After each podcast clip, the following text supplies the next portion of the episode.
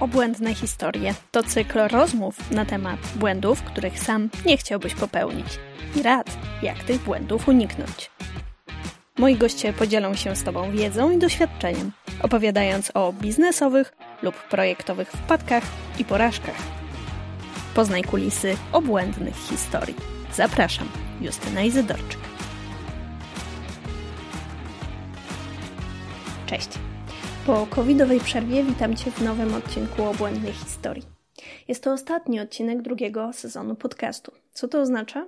Dla mnie z pewnością czas zmian, podsumowań i planowania tego, co ma nadejść. Ostatni odcinek sezonu oznacza też dla mnie nietypową rozmowę, do której wysłuchania właśnie Cię zapraszam. Jak dotychczas goście obłędnych opowiadali o historiach własnych porażek i błędów, na które trafili w swoim doświadczeniu zawodowym. Dzielili się wiedzą, czego unikać, na co uważać, o czym pamiętać. Moje dzisiejsze spotkanie i rozmowa to klamra dla dotychczasowych odcinków. Klamra, która stanowi metadyskusję o błędach, bo podpowiada, jak czynnie i aktywnie budować i wspierać kulturę organizacji, która uczy się na własnych porażkach. To rozmowa wreszcie o słabym ogniwie, czyli czymś, co bardzo pomaga w samoorganizacji i doskonaleniu zespołów, choć często jest w nich nieobecne. Paweł Stobiecki, nasz dzisiejszy gość, jest inicjatorem wydarzenia, które w swoich fundamentach ma ideę uczenia z błędów. To prosta odpowiedź na skomplikowane pytania działów HR, to pole do szerzenia wiedzy i zdrowego dystansu do pomyłek. Wreszcie to droga do innowacji. Chcesz wiedzieć, jak Paweł wprowadził to do swojej organizacji, z czym się mierzył i jak zareagowały na to zespoły? Zapraszam Cię do wysłuchania naszej rozmowy.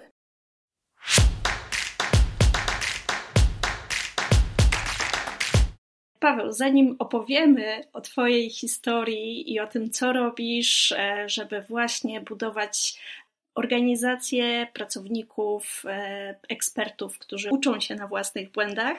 Powiedz proszę e, co nieco o sobie, kim jesteś, czym się zajmujesz na co dzień i czym zajmuje się Twoja organizacja. Nazywam się Paweł Stobiecki, jestem inżynierem oprogramowania, pracuję w Okado Technology, Pewnie większość z Was nie zna takiej firmy jak Okado. To jest taki bardzo duży warzywniak, który nie sprzedaje swoich warzyw w sklepach tak jak każdy inny sklep, tylko robi to wyłącznie online. I żeby było śmieszniej, przy tym kanale online osiąga wyższą efektywność niż na przykład takie Tesco albo Sainsbury's albo inni konkurenci, których ma y, na rynku w UK czyli w Wielkiej Brytanii, tam gdzie się narodził, sprzedaje swoją technologię, czyli platformę, dzięki której osiąga te fantastyczne rezultaty w Anglii, także innym retailerom, innym e, sklepom, nazwijmy to, e, na całym świecie. Ja konkretniej e, pracuję tam e, przy systemach, które upraszczają ludziom, którzy zajmują się big data, ich pracę. No i siedzę tam już 7,5 roku prawie, więc Cał, całkiem fajna przygoda. Takim razie, jak do tego doszło, że w tę przygodę wdarła się historia e, stworzenia inicjatywy związanej z błędami? Poniekąd przez przypadek, tak naprawdę. E, inicjatywa, którą nazywamy FAP Nights w, w Okado e, i która na zewnątrz szerzej, szerzej jest jakby inspirowana e, serią eventów firmy, która się nazywa Fuck Up Nights Żadna niespodzianka oczywiście. E, pojawiła się w Okado trochę z potrzeby, trochę z przypadku. Historia była taka, że e, ogólnie w Okado robimy, czy robiliśmy przed COVID-em, chociaż to powoli wraca, e, pizza party. To są takie wydarzenia wieczorowe, które następują zazwyczaj po Olchętsie, gdzie szef krakowskiego biura wychodzi i wypowiada się przed pracownikami. Nie, nie tylko on, bo, bo również menadżerowie, szefowie streamów i tak dalej, i tak dalej. Ogólnie dużo ludzi mówi dużo rzeczy, a potem jest pizza i różne inne napoje. Mhm. E, I w czasie tego e, pizza party, czy właściwie tuż przed nim, swego czasu mieliśmy tradycję, że odbywał się tech talk. Czyli takie znowu kolejna godzinka słuchania kogoś, kto mówi, ale tym razem zazwyczaj była to jedna osoba i mówiła na jakiś temat mniej lub bardziej techniczny. Otóż pewnego dnia w listopadzie e, 2017 roku, ale nie był to dzień Pizza Party, tylko dwa dni wcześniej. Okazało się, że osoba, która miała wygłosić tegoż właśnie TechToka dwa dni później na Pizza Party, wycofała się z tego. I poszła wiadomość na Slacku, na naszym komunikatorze wewnętrznym, e, czy ma ktoś coś gotowego, co by można było wypowiedzieć w te dwie godziny. I nikt się nie odzywał. To właśnie ta wiadomość striggerowała mnie do tego, żebym wziął się wreszcie za zorganizowanie czegoś, o czym myślałem od jakiegoś czasu. Czyli właśnie takiej okadowej edycji F-Up Nightsów. No więc co, zakasałem rękawy, poszedłem do jednego, drugiego menadżera. My akurat mieliśmy świeżą historię i to na dwa zespoły, więc już dwa miejsca mieliśmy na scenie zaklepane. E, to i udało się zgromadzić jeszcze czterech kolejnych prelegentów. I faktycznie w listopadzie 2017 odbyła się pierwsza edycja F-Up Nights w Okado w Krakowie.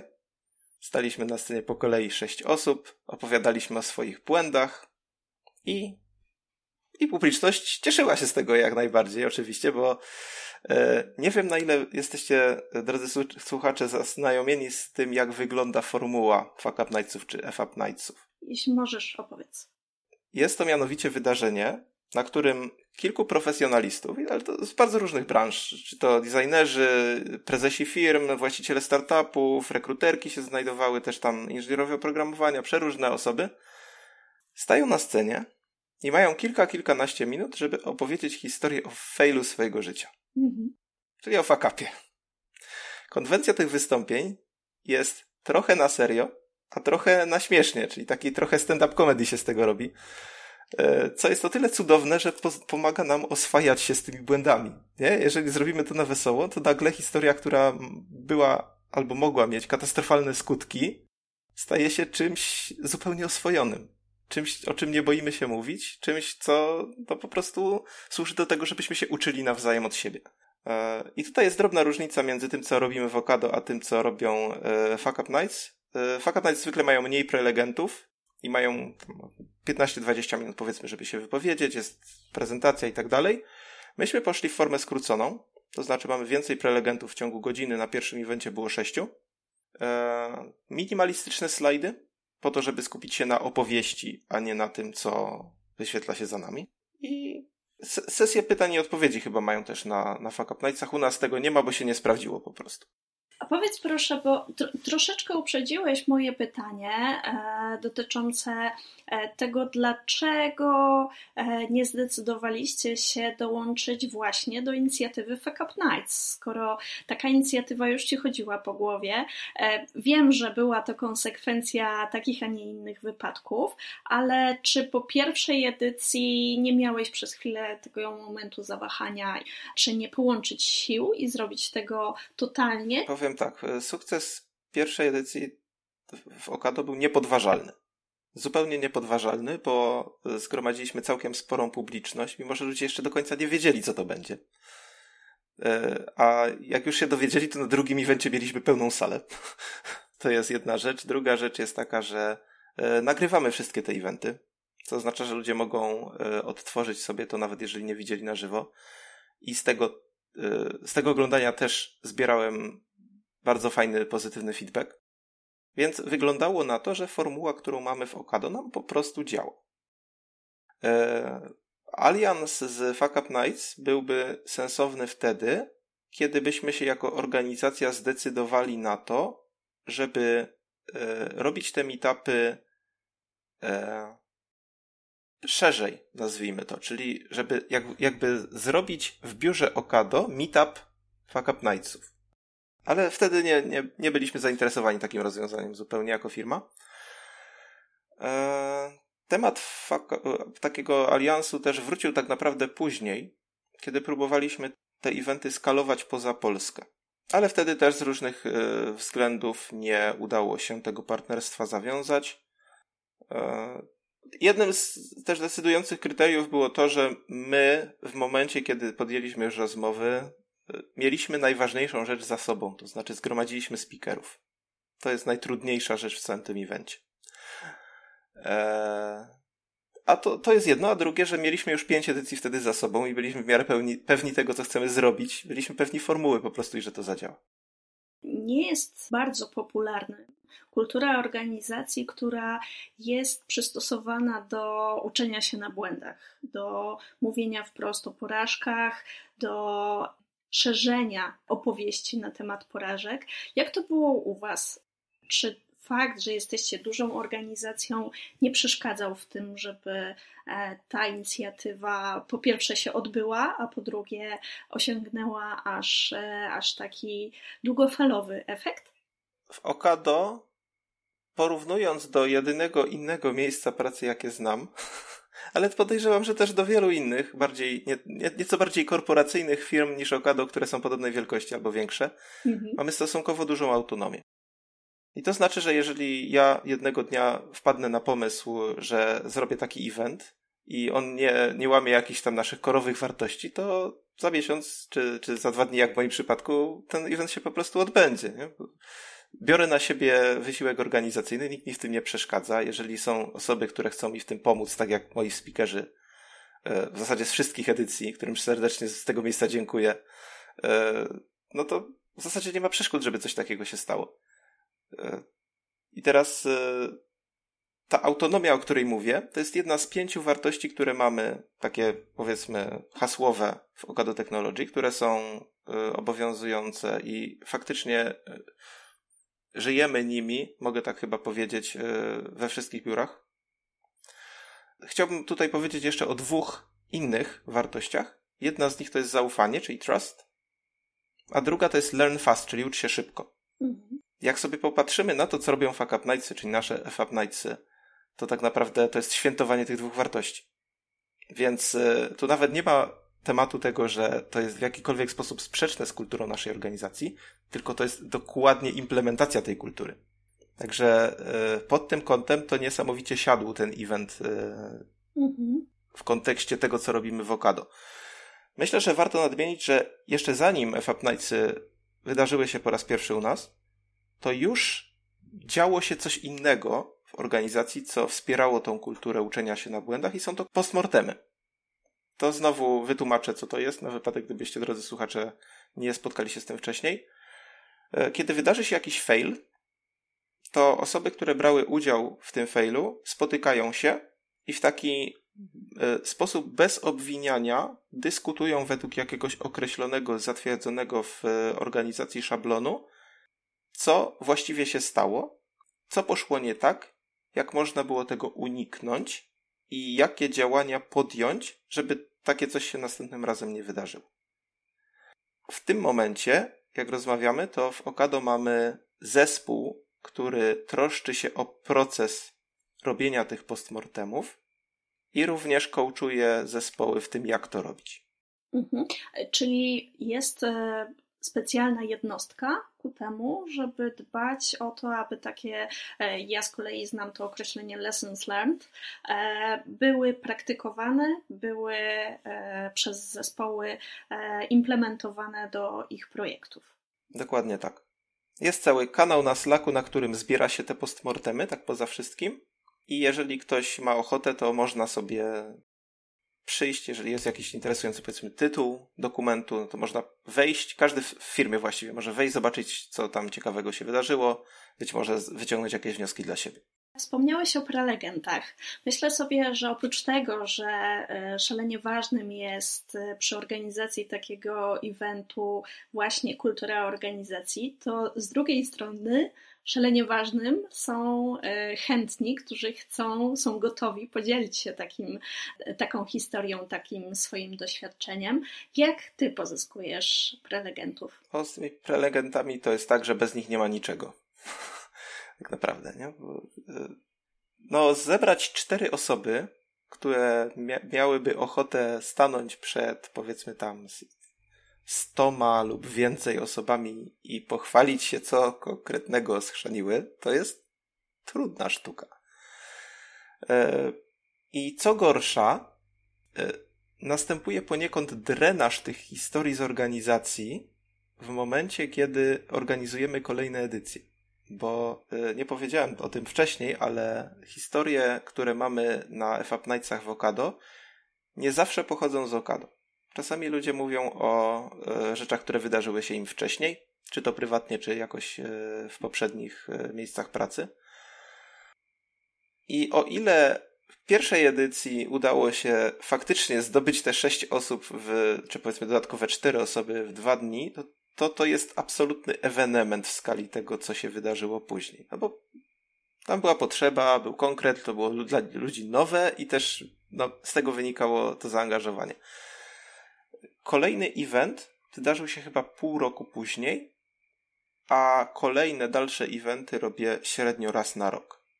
To mniej więcej w takiej skali możemy się spodziewać, że te historie przy naszej no, między 300 a 350 osób liczącej jednostce w Krakowie, no mniej więcej w, tej, w tym tempie będą narastały nawet nie tyle historie, co chętne osoby do tego, żeby o nich opowiedzieć. Popraw mnie, czy, y, czy dobrze liczę. Inicjatywa trwa już 5 lat, średnio raz na rok, czyli macie za sobą już 5 edycji? Właściwie to 7. Już tłumaczę dlaczego. Między 2017 a 2019 robiliśmy to przy okazji Pizza Party.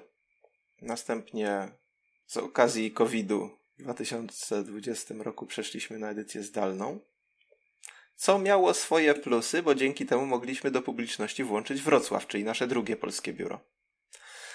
W 2021 i 2022, bo w tym roku już mamy ze sobą jedną edycję, również wydarzyły się e, eventy online, ale oprócz tego po drodze zrobiliśmy też w zeszłym roku taką specjalną świąteczną e, edycję po angielsku, żeby pokazać FAP Nightsy całej reszcie organizacji. I do tego wykorzystaliśmy speakerów, którzy już mówili na poprzednich edycjach, po to, żeby obniżyć próg wejścia. Dzięki temu osoby, które tam mówiły, jedyne co musiały zrobić, to po prostu powiedzieć to, co już miały za sobą, całe te stresy i tak dalej, tylko po angielsku.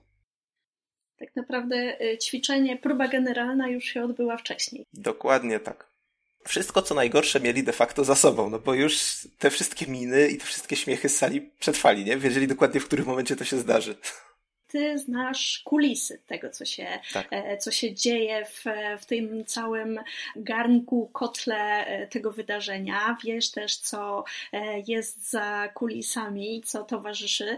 Wspomniałeś o formule zdalnej. Twoim zdaniem, która z tych formuł zdalna bądź stacjonarna jest trudniejsza i dlaczego? Dla mnie jako speakera, to ja też wystąpiłem parę razy na tych FAP Nightsach, to trudniejsza jest wyraźnie forma zdalna, dlatego że nie widzę publiczności i nie mogę czerpać z niej energii. Ale to być może jest specyfika mnie jako osoby. Mhm. Jeśli chodzi o zbieranie e, historii, to ja nie odczułem większych różnic. Przygotowania w zasadzie też wyglądają podobnie. E, zdalny tryb o tyle nam, mi ułatwia, że mogę zbierać historię z Wrocławia.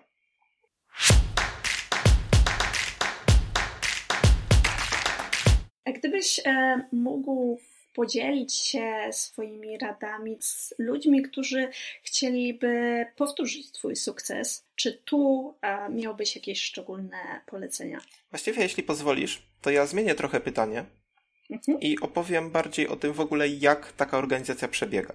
Bo myślę, że to będzie fajny kontekst dla odpowiedzi na to pytanie, które właśnie zadałaś. Bardzo chętnie. To, co widzą widzowie na FAP Nightsach, to jest zaproszenie w kalendarzu i miejsce albo w postaci sali, albo w postaci streama na Google Meetie.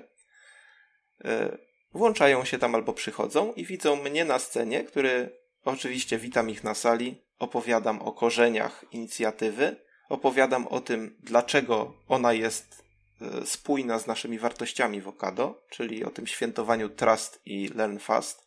Jeżeli jest COVID, to opowiadam o, o covid i witam Wrocław i zapowiadam kolejnych prelegentów. Tacy prelegenci wychodzą i mają 5 do 10 minut i kilka slajdów, albo też ewentualnie tylko slajd z tytułem i nazwiskiem, żeby opowiedzieć swoją historię. No i w formule na żywo oczywiście jest, wi wiadomo dokładnie, kiedy publiczności jest wesoło, dostają ci prelegenci oklaski i tak dalej, i tak dalej. Ja zapowiadam kolejną osobę i tak się to toczy przez 4 do 6 osób na wydarzenie. Następnie zamykam event, dziękując zarówno publiczności, jak i speakerom i zapraszam na kolejną edycję, która wydarzy się w bliżej nieokreślonej przyszłości. Tak to wygląda od zewnątrz. Natomiast to, co się dzieje w środku, to ja natychmiast po końcu poprzedniej edycji ogłaszam u nas na Slacku, że prowadzę nabór historii na kolejną edycję.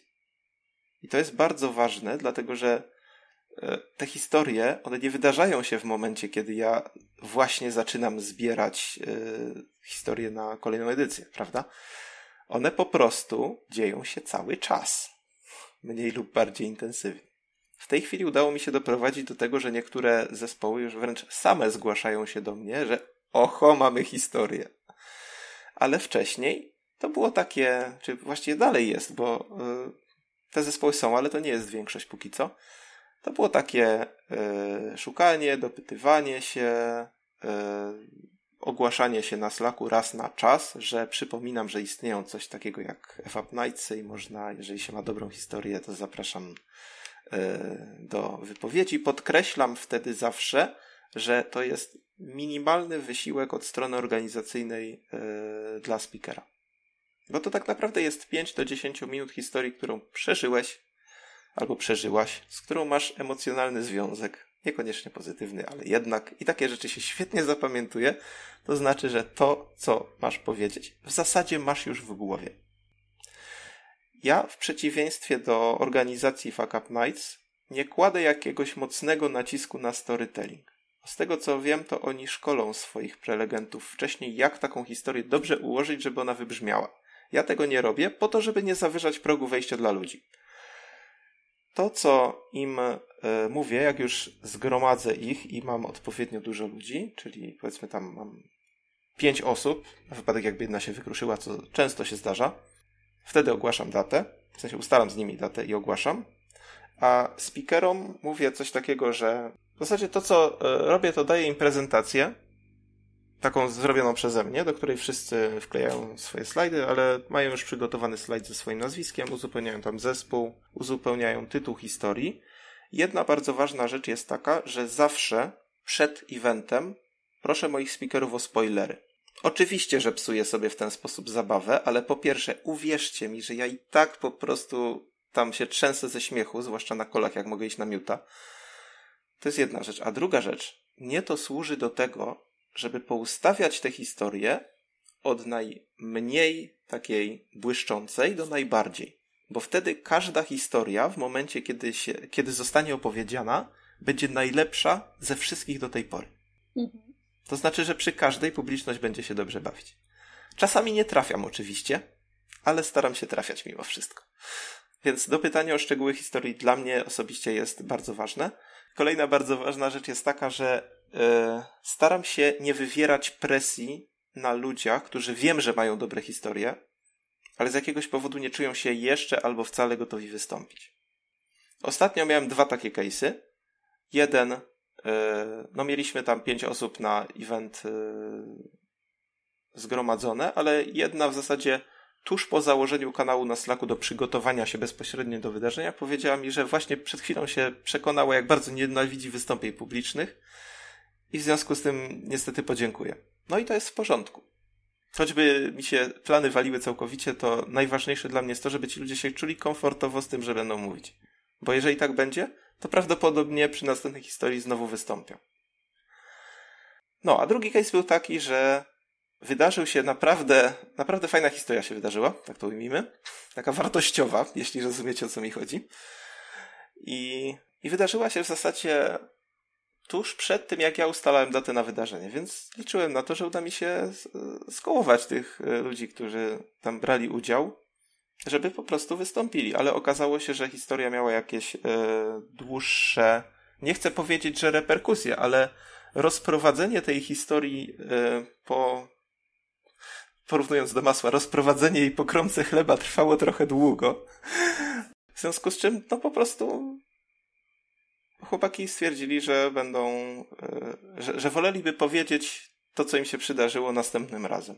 I to też jest ok.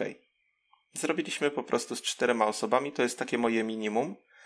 E, jedna z tych osób w międzyczasie się rozchorowała w ogóle, więc event trzeba było przełożyć dwa razy, potem pierwszy raz przełożyłem nie sprawdzając kalendarza i przez mój faka pokazało się, że tam osoba ma szkolenie, więc no niestety. E, no, także mniej więcej takie pułapki też się czają na organizatorów, także jakby, jakbyście chcieli powtórzyć coś takiego, to liczcie się z tym, że tak będzie. No, ale wracając już do samej organizacji. E, mam tych 4 do 6 speakerów, robię im prezentację, oni układają slajdy. Jeśli chcą, to robimy dry runy, czyli takie próbne wystąpienia. Przed tym eventem po angielsku zrobiliśmy sobie faktycznie taki dry run, no bo to miała być poniekąd prezentacja idei do całej reszty Okado. Więc dla mnie było to ważne, żeby to wyszło dobrze. I tak po drodze pomyliłem slajdy, ale whatever. No, po prostu było to. Jakby tutaj jestem w tyle komfortowej sytuacji, że event się tak nazywa, że nawet jak coś pójdzie nie tak, to możemy powiedzieć, że to była część planu. Wszystko usprawiedliwione. Na pełnym luzie się to robi tak naprawdę. E, no. I co? Jeżeli ktoś potrzebuje, to robimy ten dry run. Ustalamy sobie jakiś harmonogram przejęcia prezentacji. Przypominam o tych takich głównych zasadach, czyli e, staramy się, żeby historia miała wstęp, rozwinięcie, zakończenie, punkt kulminacyjny, jeżeli się da, żeby nie przesadzać ze slajdami, a jeżeli już to obrazkowe. Podaję kolejność prelegentów i i potem się dzieje, po prostu przychodzimy na miejsce albo łączymy się na, na kola i lecimy z tematem. Jak skończymy y, event, to też y, pytam ludzi, jak się czują z tym, co się właśnie stało. I czasami można usłyszeć bardzo wartościowe rzeczy w takiej sytuacji. Bo na przykład osoba, która pierwszy raz robiła public speaking, może powiedzieć ci, że właściwie to było całkiem fajne i stresowała się, ale no, poszło lepiej niż się spodziewała. Inna osoba może ci powiedzieć, że to środowisko, które, którym jest FAP Nights, ona docenia teraz jeszcze bardziej, bo jest fenomenalnie bezpieczne do rozmowy o problemach. Od innej osoby możesz się dowiedzieć, że właściwie to wystąpienie na tych FAP Nightsach dla nich to była akcja z postmortema. Żeby opowiedzieć całej reszcie firmy o tym, co się u nich wydarzyło, dlatego że może się zdarzyć, że jest to po prostu powszechny problem. Także y, no to zbieranie feedbacku zarówno od publiczności, jak i od y, speakerów dla mnie też jest bardzo ważne. Ja bardzo często spotykam się e, i w mojej głowie to tkwi, i w głowach ludzi, z którymi rozmawiałam, to, że mm, opowiadanie o tych błędach, o jakichś e, no, fakapach e, ewidentnie w projektach, bardzo często sprawia, że my przepracowujemy podczas opowieści albo układania opowieści na ten temat cały ten problem. Wyjmujemy rzeczy, które póki nie są zwerbalizowane, są gdzieś tam ukryte, totalnie pomijane, i dopiero po opowieści o nich e, zdajemy sobie sprawę, co tak naprawdę się wydarzyło, gdzie, gdzie tkwił błąd, a nie tylko e, efekty błędu albo przejawy błędu, więc to też jest ogromna wartość. Czy zauważyłeś, że te opowieści dają realnie waszej organizacji bądź właśnie prelegentom jakiś taki impact do zmiany? Właściwie to, co mówisz, u nas dzieje się przed historią na FAP Nightsach, bo dzieje się w czasie postmortema. Właśnie dlatego postmortem nie jest tylko dokumentem, tylko jest spotkaniem, na którym gromadzi się więcej osób. Co oni sobie tam rozmawiają o tym, e, co dokładnie poszło nie tak, rozpisują kolejne kroki, dodają do tego timestampy, czyli takie, powiedzmy, e, znaczniki godzinowe, e, żeby, żeby zrozumieć, co kiedy się wydarzyło, jakie były odległości czasowe ile trwała reakcja na przykład na alert, takie rzeczy. Nie?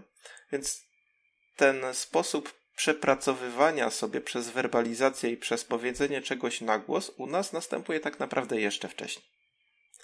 Mhm.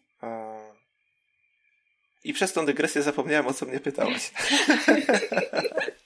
Bardzo dobrze, bardzo dobrze. Na tym polega nasza rozmowa, że e, mogą też się pojawić wpadki. Okej, okay, czyli wy w gruncie rzeczy e, robicie to dwupoziomowo. Zastanawiam się, czy podczas e, Fuck Up Nights to doświadczenie tej prezentacji różni się czymś od doświadczenia rozmowy podczas postmortemów. Z samej nazwy postmortem można sobie wywnioskować, jaka jest na nim atmosfera. Okej. Okay. I zasadniczo ona się różni od tego, co dzieje się na FAP Nightsach. Mhm. To jest jedna rzecz. Druga rzecz to jest to, że nie mamy sytuacji peer-to-peer, tak jak na spotkaniu o postmortemie, tylko mamy speakera i mamy publiczność.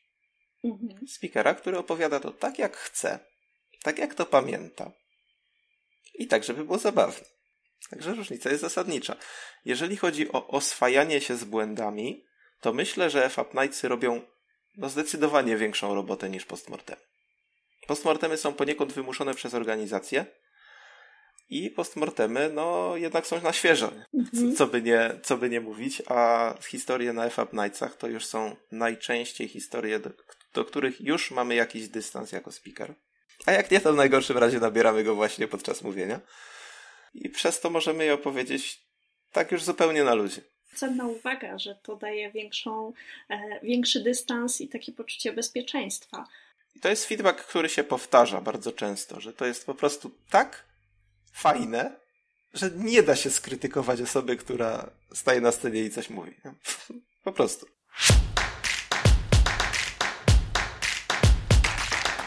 Czy widzisz jakąś różnicę, która rozpoczęła się od czasu, gdy urodziła się ta inicjatywa? Różnicę w Waszej organizacji? Co ten projekt zmienił u Was w Okado?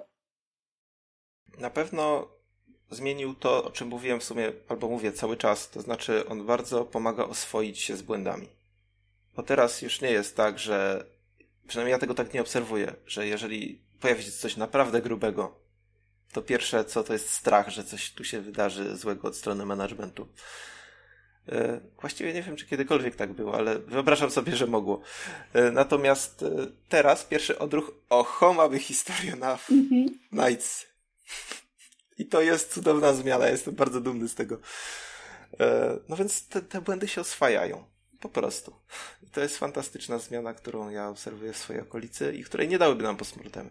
Postmortemy pomogłyby nam zrobić coś następnym razem lepiej, ale nie spowodowałyby, że schrzanienie czegoś traktujemy jako codzienność i potencjalnie koszt innowacji, którą, który po prostu ponosimy i z którego będziemy się śmiać kiedyś, jak już się nauczymy tego, co nam wyjdzie na postmortemie. I to widać i, i po speakerach, i po publiczności. To w tej chwili w krakowskim biurze myślę, że mało kto nie słyszał o, o, o FF Nightsach. I to jest mhm. duży sukces. E, wspominałeś o publiczności. Jaka jest frekwencja? Czy ona e, rośnie non-stop, czy, czy jest raczej stała i po prostu członkowie publiczności się zmieniają? Do pewnego momentu rosła, teraz tak bardziej faluje. Ja mam wrażenie, że tu bardzo to zależy od tego, jak bardzo mam czas tuż przed eventem i jak bardzo skopię lub nie skopię promocję. E, więc tutaj znowu to jest coś, o czym nie powiedziałem wcześniej przy okazji organizacji, ale tu jest kolosalna rola e, osoby koordynującej, żeby ten event odpowiednio wypromować, po to, żeby ludzie odpowiednio wcześniej wiedzieli, kiedy ten event będzie, zarezerwowali sobie czas, nie wrzucali sobie wtedy spotkań i po prostu przyszli. Bo jeżeli powiemy im z nienacka, o zaraz są FAP to zaraz 50% naszej potencjalnej publiczności okaże się, że ma spotkanie, a 50% z pozostałych 50 stwierdzi, że za późno dałem znać i w ogóle obejrzy sobie nagranie. Nie? No więc yy, mówiąc o konkretnych liczbach, rekord jaki ja zarejestrowałem to był 2020 rok, kiedy zrobiliśmy FAP Nightsy w listopadzie po bardzo długiej przerwie i to były pierwsze covidowe FAP Nightsy. Tam w szczycie zobaczyłem 138 osób na kolu, gdzie liczność biur krakowskich i wrocławskich w sumie myślę, że nie przekraczała 6 osób, czyli 600 osób. Co by znaczyło, że tam jest na oko no prawie 25%. Nie, mhm. nie najgorszy wynik jak na e, coś, co się dzieje wewnątrz firmy. E, potem, potem e, te liczby spadały, ale to z, z, różnych względów. A to termin nie ten, a to coś tam się innego zdarzyło, a to skopałem promocję. E, natomiast no, z tego co słyszę, wracają powoli nasze pizza party kochane. I to będzie znaczyło, że nawet nie liczbami, tylko atmosferą będę mierzył sukces tych eventów. A powiedz, czy są jakieś usprawnienia, które wdrażasz, bo jednak tyle edycji już za tobą. Wspominasz o promocji, wspominasz o e, takich elementach organizacji eventu no, bardzo profesjonalnych, że to nie jest wydarzenie, które a przez przypadek e, wypadło i, e, i okej, okay, robimy je e, siłą rozpędu. Jak wyglądają e, zmiany na osi czasu życia tej inicjatywy? Jak robiłem drugą edycję, to chciałem ją zrobić dwa miesiące po pierwszej. Mhm. I to zmieniłem przy trzeciej edycji, ponieważ druga się nie wydarzyła w terminie zupełnie, tylko pół roku później. I to jest efekt tego, co mówiłem o wysycaniu historii. Ludzie potrzebują trochę czasu, żeby sobie przeprocesować to, co się stało, czy coś, czy w ogóle zrobić coś nowego, jakkolwiek to brzmi. Ale tak, ludzie potrzebują czasu na to, żeby się to e, poukładało, żeby sobie przypominać rzeczy. Chociaż zdarza się też tak, że ludzie po prostu nabywają inspiracji natychmiast po evencie i coś mi się tam przypomina, więc zazwyczaj lista się, lista na kolejną edycję się zaczyna po poprzedniej, w zasadzie natychmiast. E, więc ten czas, ja się teraz staram robić nie częściej niż co pół roku, nie rzadziej niż co rok E, no też po to, żeby ludzie trochę zatęsknili za tym eventem, bo nie ukrywam, że on jest tym mocniejszy, im bardziej ludzie są wypuszczeni. To trochę tak jak z grami planszowymi się dzieje, nie? Mhm. Nie robi się do druku zaraz po tym, jak skończy się e, nakład podstawki. Ja tak mówię o tym, bo robię gry planszowe na boku. Z tego płynie lekcja taka, że jak się troszkę ludzi weźmie na post, to potem ten event jest e, bardziej oczekiwany i, i chętniej ludzie przychodzą po prostu. Też często lepiej się bawią. E, co jeszcze poprawiłem? E, dosyć duża zmiana zaszła, jak robiliśmy tą edycję międzynarodową, bo tam poszedłem w ogóle, w wpadłem po piątej edycji jakimś dziwnym cudem na to, że przecież mamy w organizacji zespół, który zajmuje się dokładnie tym, co robią FF Knightsy, czyli propagowaniem trustu i learn fast pod postacią postmortemów. Więc kurczę, chłopie, po pięciu latach, czy tam czterech, zagadaj wreszcie do tych ludzi, i zrób tak, żeby oni pod swoim brandem to po prostu rozpropagowali, nie? Bo to jest dokładnie ich misja. Nie wiem, jakim cudem wpadłem na to tak późno. E, no, więc e, przygotowaliśmy się z trzy miesiące do tego eventu i tak jak mówię, tam był reprise tych toków, e, ale też dużo mocniej podeszliśmy do planowania tego eventu. Mhm. Co to, to znaczy? znaczy, ugadaliśmy się na konkretny termin, tak żeby można było złapać ludzi z wszystkich biur, na jedną godzinę i w jakimś takim momencie, kiedy oni nie będą zajęci tak bardzo swoimi projektami, tylko będą mieli taki moment, żeby mogli wrzucić na luz. Swoją drogą, historia fakapu, jak robicie taki event na więcej biur, sprawdźcie po pierwsze strefy czasowe, żeby nie było tak, że Bułgaria jest opóźniona dwie godziny, czy tam dwie godziny ma wcześniej i przez to e, wasz event odbędzie się o szóstej. Na szczęście na tą pułapkę nam się udało nie trafić, ale trafiliśmy na inną, ponieważ okazuje się, że nasze biuro w Barcelonie pracuje sobie 9 godzin e, od poniedziałku do czwartku po to, żeby dwie godziny wcześniej w piątek wyjść i akurat wyszli tuż przed naszym eventem.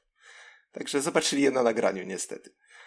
Przy tym evencie międzynarodowym myśmy e, wyszli z założenia, że chcemy to zrobić tak, żeby ten event wydarzył się raz, ale żeby zachęcił e, osoby z innych biur do tego, żeby podjęły się organizacji czegoś takiego u siebie. E, o sukcesach tego na razie niewiele mogę powiedzieć, bo minęło po prostu za mało czasu, chociaż e, w kolorach słyszę, że w Barcelonie coś się kroi. Dużo musieliśmy włożyć wysiłku w to, żeby przemyśleć, jak to w ogóle zrobić, żeby to się kulturowo obroniło, no bo są oczywiście pewne różnice kulturowe między na przykład naszą mentalnością, taką bardzo wyluzowaną, a mentalnością Wielkiej Brytanii, czy mentalnością hiszpańską, gorącą. Także y, no, na wiele rzeczy chcieliśmy tam zwrócić uwagę. Też y, chodziło o to, żeby oprzeć ten event o brand tegoż właśnie zespołu Problem Management, żeby było wiadomo, że oni w razie czego mogą pomóc to zorganizować. No i do tej edycji dodaliśmy pytania na sam koniec. I z tego nauczyliśmy się tyle, że jeżeli oprzemy, czy, czy powiedzmy w naszym przypadku tak to wyszło, że oparliśmy event o markę zespołu i to spowodowało, że ludzie zaczęli myśleć o tym jako o części pracy. Czyli efekt odwrotny do zamierzonego, tak naprawdę.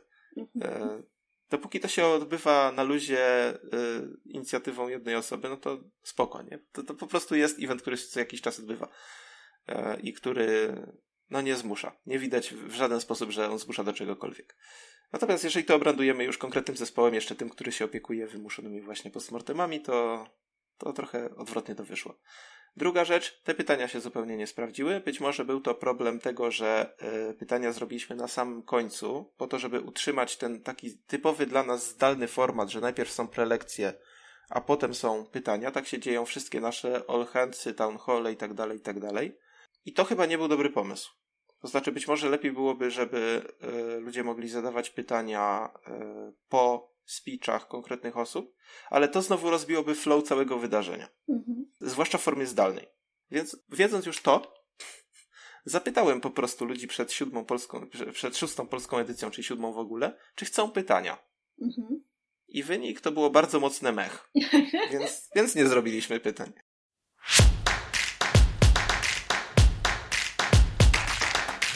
Wspomniałeś, że ty też byłeś prelegentem, e, dlatego poproszę cię o e, podpowiedź, co byś radził prelegentom, którzy e, mają historię podobną na koncie i chcieliby wystąpić, ale nadal się gdzieś tam wahają, gdzieś boją. Jakie rady możesz przekazać? Pierwsza, nie wahajcie się. To jest naprawdę świetna zabawa. Druga, podejdźcie do tego na luzie. Nikt was tam nie będzie oceniał. Jak będą się śmiać, to nie z was, tylko dla was, bo wyście to tak świetnie opowiedzieli. Z mojego doświadczenia chyba nie ma takiej historii, której warto się bać. Przynajmniej w takiej organizacji jak Okado, w której wiemy, że za to, że opowiemy jakąś nawet grubą historię, nie, nie, żadne reperkusje nas nie y, dosięgną. Mogę się chyba, nie wiem czy pochwalić, ale y, moja żona jest leśnikiem, edukatorką przyrodniczo-leśną i zdarzył mi się taki fail kiedyś, że musiałem odebrać support w środku lasu support, czyli taki dyżur miałem e, telefoniczny, nie?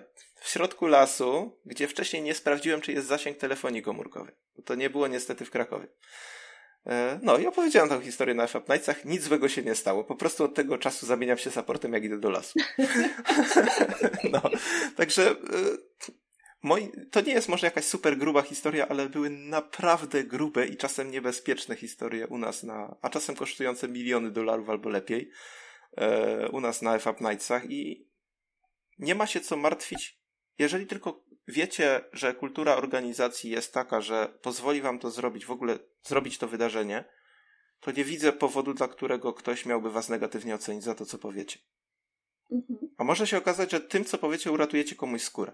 Z tym sobie, to, to sobie jakby warto przemyśleć, podejmując decyzję i walcząc być może ze swoim wstydem albo jakąś nieśmiałością, albo nie wiem, potencjalnym burakiem na twarzy, który się pojawi, gdy zaczniecie się tłumaczyć z tego, co tam się właściwie skopało waszymi rękami albo, albo nie waszymi. E, bo tak nadmienię, że czasem mi się zdarza, że ludzie występują przykładowo z zespołowymi fakapami. Nie?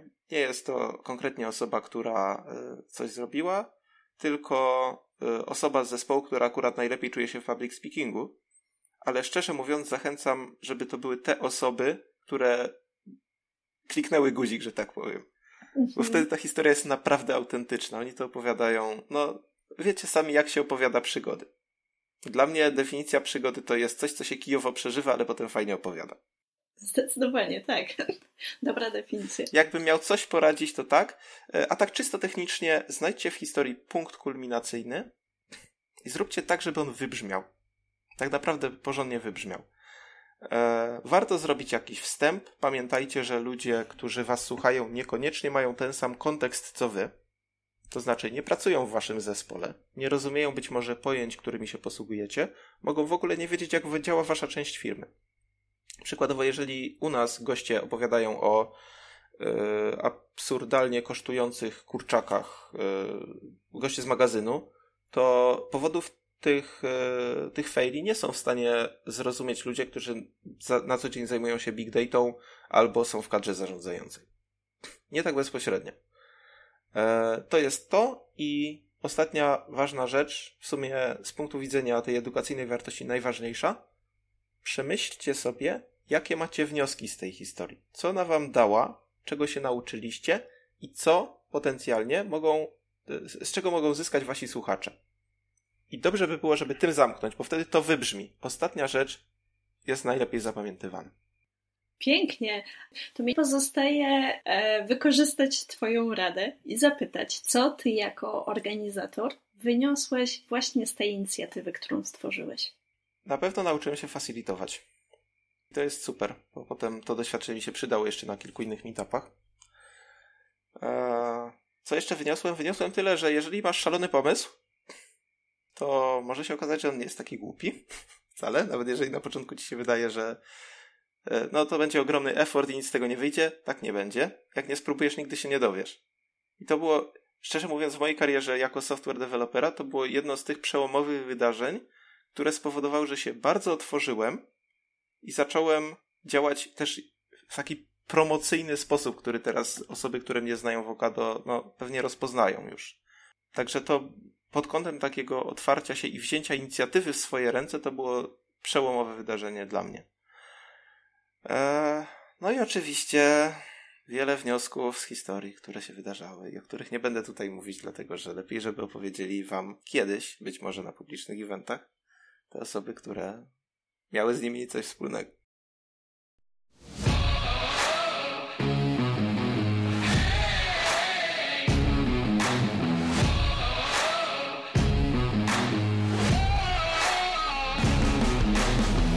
Strefa bonusowa. Co byś polecił naszym słuchaczom i słuchaczkom jako e, narzędzia, jakieś źródła wiedzy, e, z których mogliby zasięgnąć pomocy bądź wskazówek? Ja mam tak, że y, może to źle, ale czytam mało książek o tworzeniu oprogramowania, czytam również mało książek o uczeniu się z błędów. Y, oprócz kilku podręczników do startupów, które kiedyś przejrzałem, ale teraz chcę Wam polecić coś innego.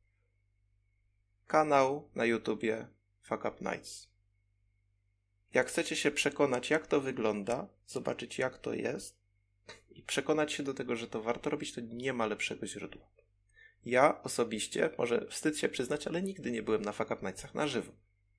To, co wiem, to wiem ze, ze spotkań startupowych, na których usłyszałem w ogóle o tej inicjatywie i wiem z y, wystąpień, które widziałem na YouTubie. Fenomenalnych wystąpień, z których fajne lekcje też się y, dało wyciągnąć. Więc no, nie ma lepszego sposobu, żeby się przekonać, jak to działa, niż to zobaczyć. Dlatego bardzo polecam kanał Nightsów na YouTubie. Zanim się pożegnamy, chcę Cię zapytać o jeszcze jeden element. E, element, który ewidentnie może być zaadresowany do e, ludzi decyzyjnych w organizacjach, którzy, mm, którym jeszcze daleko do takiej dojrzałości związanej z mówieniem wprost o błędach. Jakbyś ich zachęcił do tego, aby podejmowali takie inicjatywy i byli otwarci na takie inicjatywy e, tworzone przez swój zespół? No to ja się tu wypowiem chyba na e, dwa sposoby. Pierwszy będzie dotyczył samej inicjatywy uczenia się na błędach, a drugi autonomii w zespołach. E, swego czasu liznąłem trochę świata startupów i tam e, usłyszałem o takiej no, czy anegdocie, czy właściwie porównaniu, że jeżeli ktoś uwali startup, o co oczywiście jest bardzo, bardzo łatwo to zrobić, nie? Ale jeżeli ktoś uwali startup w Polsce, to przynajmniej w tym czasie, w którym ja słyszałem tą historię, mało kto chciał z taką osobą współpracować, no bo to jest człowiek przegrany. A za oceanem jest tak, że jeżeli ktoś uwali 10 startupów, to wtedy z taką osobą dopiero można współpracować, bo ona już ma to niezbędne doświadczenie, żeby nie uwalić 11, a przynajmniej zwiększyć swoje szanse na to, żeby nie uwalić 11. Więc yy, tłumacząc to z polskiego na nasze, im bardziej będziemy pozwalać ludziom na to, żeby uczyli się na błędach, zwłaszcza na cudzych błędach, bo po to są przecież FAP Nightsy, tym ci ludzie będą bardziej doświadczeni i będzie im łatwiej nie popełnić tych samych błędów w przyszłości. Druga rzecz, jaka jest, to jest taka, że dla mnie błędy to jest paliwo innowacji. I to bardzo dobrze widać na testowaniu gier, które jest mega podobne w ogóle do tego, co się dzieje w startupach. Tak w startupach, jak i w testowaniu gier planszowych. Jak robisz test, to przygotuj się na wielką porażkę na drodze do wielkiego sukcesu każdy nieudany test, czy każdy test, który, w którym gra nie działa, jest po to, żeby gra zadziałała wtedy, kiedy zostanie wydana. I to warto mieć yy, na uwadze. Natomiast jeśli chodzi o inicjatywę, no to ja mam takie podejście, że yy, kurczę, po to się zatrudnia ekspertów, żeby pozwolić im działać. Yy, więc ja sobie na przykład bardzo cenię to, że chociaż jestem bardzo moim zdaniem takim nietypowym pod kątem tego, czym się zajmuje inżynierem programowania, to Okado po prostu pozwala mi działać. I z tego biorą się FAPMajcy, z tego biorą się jakieś public speakingowe rzeczy, które robię, inicjatywy, jakieś zupełnie dziwaczne, szalone pomysły, które czasami nie wychodzą, ale jak wyjdą, no to, no to coś konkretnego z tego, z tego jest, właśnie tak jak w przypadku FAP Nightsów. Także dawajcie autonomię swoim ludziom dlatego, że po to ich zatrudniliście, żeby korzystać z ich eksperckiej wiedzy zachęcamy. E, myślę, że Paweł jest tu doskonałym przykładem na to, że takie podejście działa. Paweł, dziękuję Ci bardzo za podzielenie się swoją perspektywą, swoją historią i e, za podzielenie się praktyką, bo to, co robisz e, na co dzień w Okado i to, że kultywujesz taką energię uczenia się z własnych i cudzych błędów, jest fantastyczne. I dziękuję Ci za to. Dziękuję również. Dziękuję Ci za wysłuchanie tego odcinka. Mam nadzieję, że rozmowa z Pawłem będzie dla Ciebie inspiracją do tworzenia własnego krajobrazu, wymiany doświadczeń i wiedzy z własnych błędów. Porażka, dopóki nie zostanie przepracowana, co oznacza często rozmowę i dyskusję o niej, bywa zmarnowanym potencjałem. To zalążek energii, która ma moc budować. Dostrzeżmy to i czerpmy garściami z tych możliwości, jakie daje. Pozdrawiam Cię obłędnie. Do usłyszenia. Justyna Izydorczyk.